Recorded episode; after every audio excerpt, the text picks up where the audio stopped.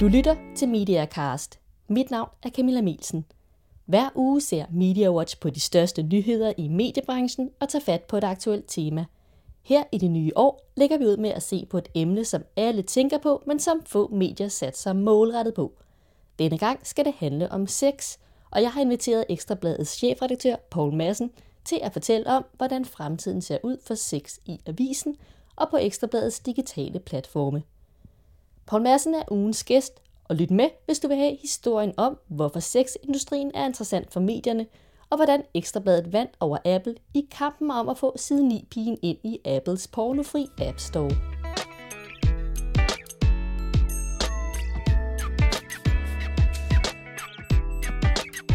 Men først skal vi se på nogle af ugens største nyheder i mediebranchen. Tine Bredgaard Hansen, du er journalist på Media Watch. Og hvordan vil du vurdere den her uge?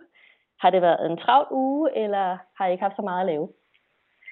Vi har jo altid noget at lave, men sammenlignet med øh, sidste uge, der er det øh, svært for nyhederne helt at hamle op med, øh, med det, fordi at der var jo nyheden om, at Berlinske skal, skal fyre 87 mennesker, i hvert fald nedlægge 87 stillinger, og at, at de samme hug har lukket Urban. Og det blev kædet sammen med, at der kommer en ny strategi, både fra moderselskabet Nikom og fra Berlinske selv, her senere på ugen, og i start, eller senere på måneden og i starten af februar. Hvad har så ellers været de største nyheder i den her uge?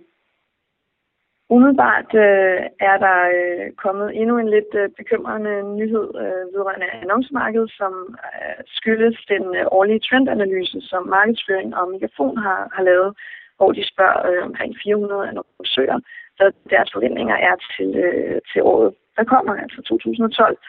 Og øh, her er der faktisk en, øh, en øh, mindre andel end sidste år, som forventer, at, øh, at de vil øge deres budget. Altså, det vil sige, at der er færre, der tror på, at, øh, at det her bliver et rigtig godt annonceår.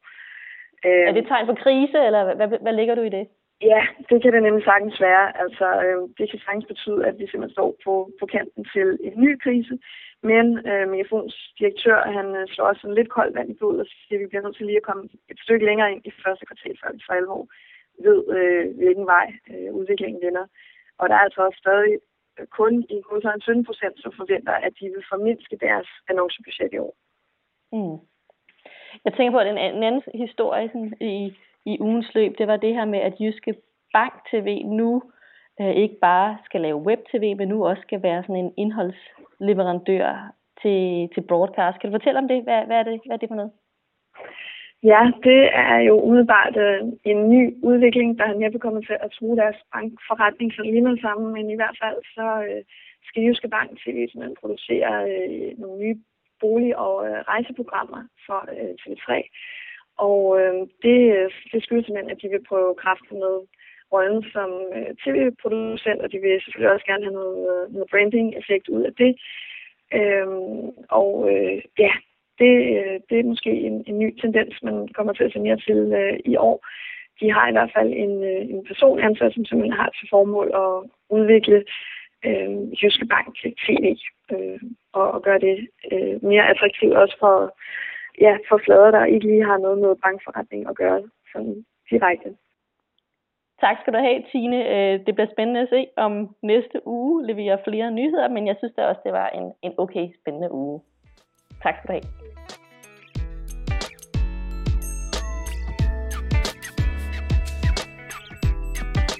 Sex har været en drivkraft for den teknologiske udvikling. Uden pornoindustrien er det ikke sikkert, at internettet vil være så udbredt, som det er i dag. Og sexindustrien er ufattelig god til at få pengene op af brugernes lommer, så måske er der en masse medierne kan lære, når det gælder online betalingsmodeller og forståelse for brugerne. Men hvorfor er der egentlig så få mediespillere i sexbranchen? Ekstrabladet er et af de få danske medier, som længe har tilladt sexannoncer i avisen, og i den digitale æra også har lanceret portalen side6.dk for sexannoncer og erotisk udstyr. I denne Mediacast taler jeg med Ekstrabladets chefredaktør Poul Madsen om, hvor langt Ekstrabladet kan og vil gå for at tjene penge på sex. Poul Madsen, vi sidder nu med dagens udgave af Ekstrabladet foran os og ser på, hvad der nu er af de her massageannoncer.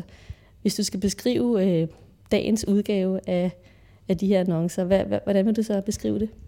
Jamen det her er en øh, typisk dag øh, i Ekstrabladets papiravis. Øh, der er tre sider øh, af de her, som vi kalder kontantannoncer, øh, fordi at de bliver betalt kontant nede i vagten, men som selvfølgelig er massageannoncer, som dækker over, at nogen tilbyder sex.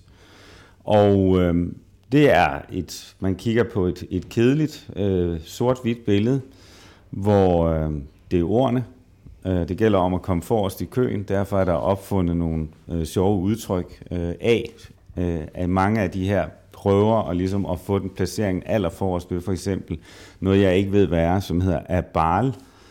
Øhm, hvad det så dækker over, det skal jeg ikke kunne sige andet, end at øh, enhver selvfølgelig ved, at det handler om sex. Øh, der er ikke sket nogen nyudvikling af det her øh, i 30 år. Øh, der, jo, der er en nyudvikling, det er, at man nu kan købe sig til en øh, rød skrift. Øh, og det er klart, at på en, en sort-hvid side, der vil rød jo fremhæve selvfølgelig det, man øh, nu øh, beskriver i de her annoncer. Så det er den eneste nyudvikling, der er sket på det her i 30 år.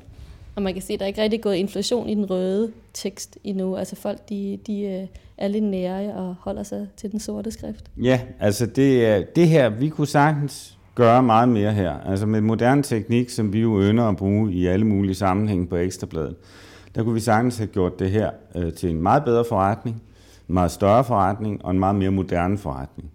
Vi kunne for eksempel have lavet øh, telefontagging på annoncerne, man kunne købe sig til det, som man direkte kunne gå ind på de her klinikkers hjemmesider. Vi kunne have lavet alle mulige tiltag, billeder, hvad som helst. Det har vi valgt ikke at gøre, fordi det her er sådan en forretning, som trives godt omme bag i ekstrabladet, uden i virkeligheden at forstyrre resten af budskabet. Hvis man ikke gider det her, så bladrer man lynhurtigt videre til tv-programmet hen over de her 3-4 sider. Og hvis man vil det her, så ved man, hvor det er.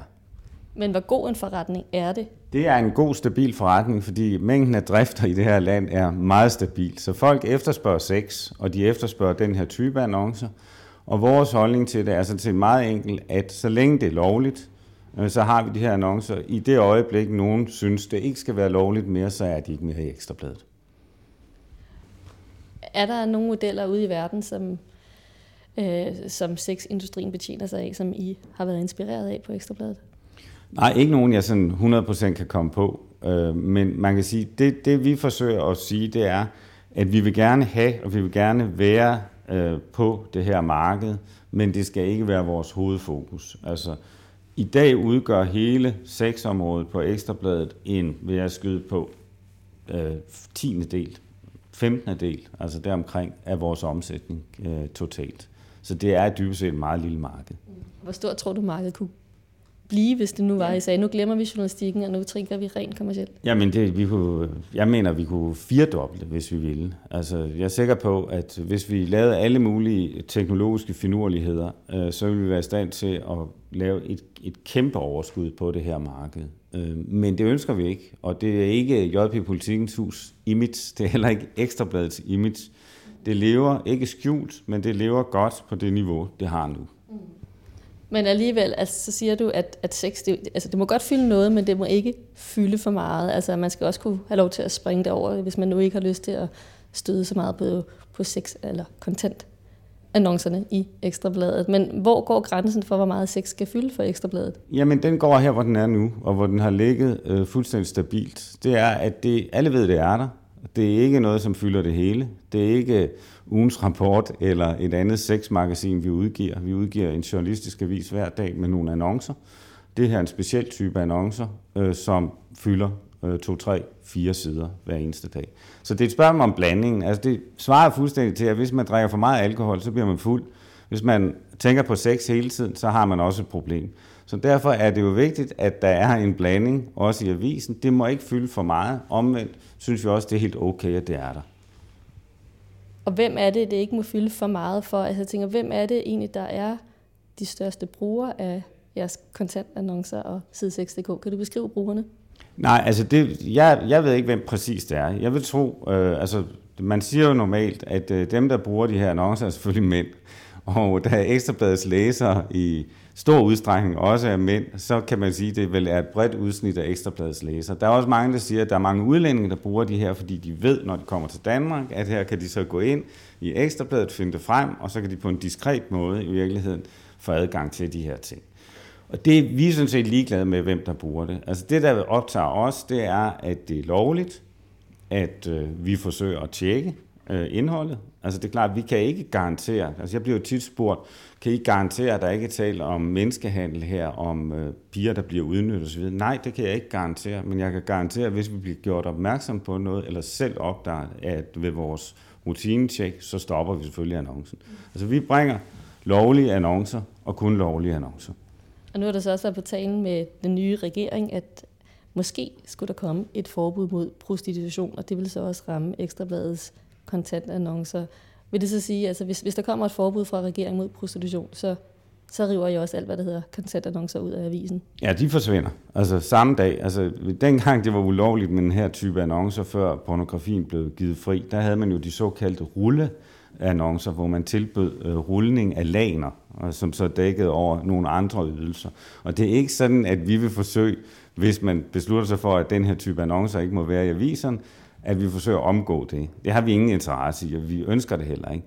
Jeg er bare nødt til at sige stilfærdigt, at sex er kommet for at blive, og det kan godt være, at politikerne øh, kunne finde på at afskaffe det, det følger vi selvfølgelig, men på nettet kan de ikke stoppe, øh, at folk går ind og finder nøjagtigt det samme indhold. Så derfor er det jo i virkeligheden også et spørgsmål om en form for kontrol ved at have det her diskret på et bestemt sted, Altså det svarer jo ligesom til, om man vil, vil stoppe narkohandlen på Christiania. Det kan man godt, men så flytter den bare et andet sted hen. Og derfor, hvis man stopper annoncerne for sex i Ekstrabladets papiravis, så flytter de bare et andet sted hen. Lad mig vende tilbage til, til det mere forretningsmæssige i at have sådan nogle her annoncer, og også at have et site, der hedder side6.dk. Jeg kunne godt tænke mig at vide, hvor, hvor stor, altså hvor god en forretning er side6.dk i forhold til jeres traditionelle content-annoncer?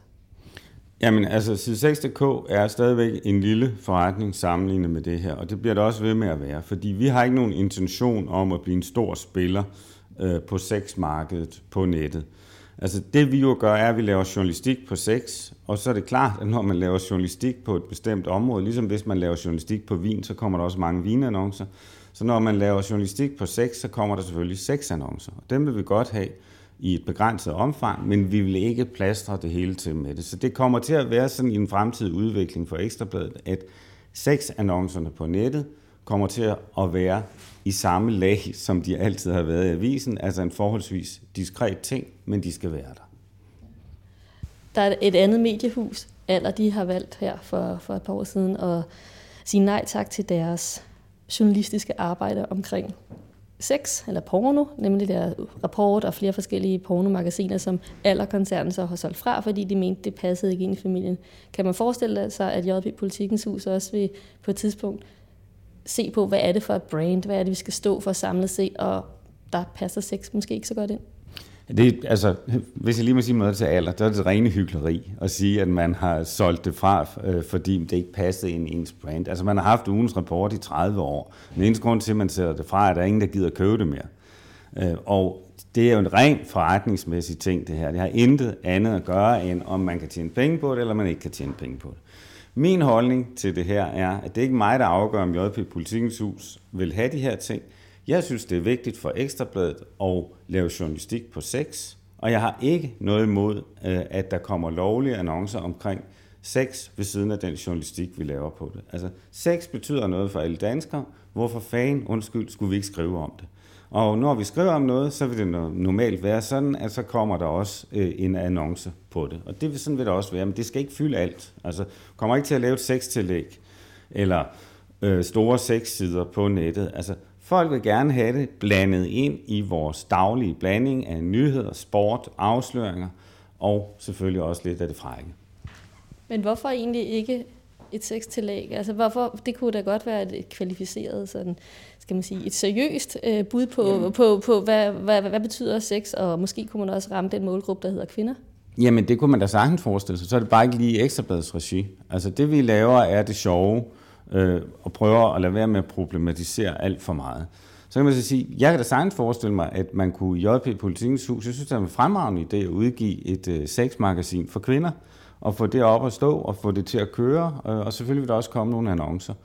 Og det kan da også være, at vi øh, vil komme ind på det marked på et tidspunkt. Det vi laver nu er i virkeligheden i blandingen. Altså ligesom at sige, at når vi laver vores papiravis, eller vi laver vores ekstrablad.dk eller på mobil, så skal der være en blanding af det, som interesserer danskerne. Der må ikke være for meget sport, der må heller ikke være for meget sex, der må ikke kun være afsløring eller kedelige politiske øh, historier, der skal være en blanding af det hele.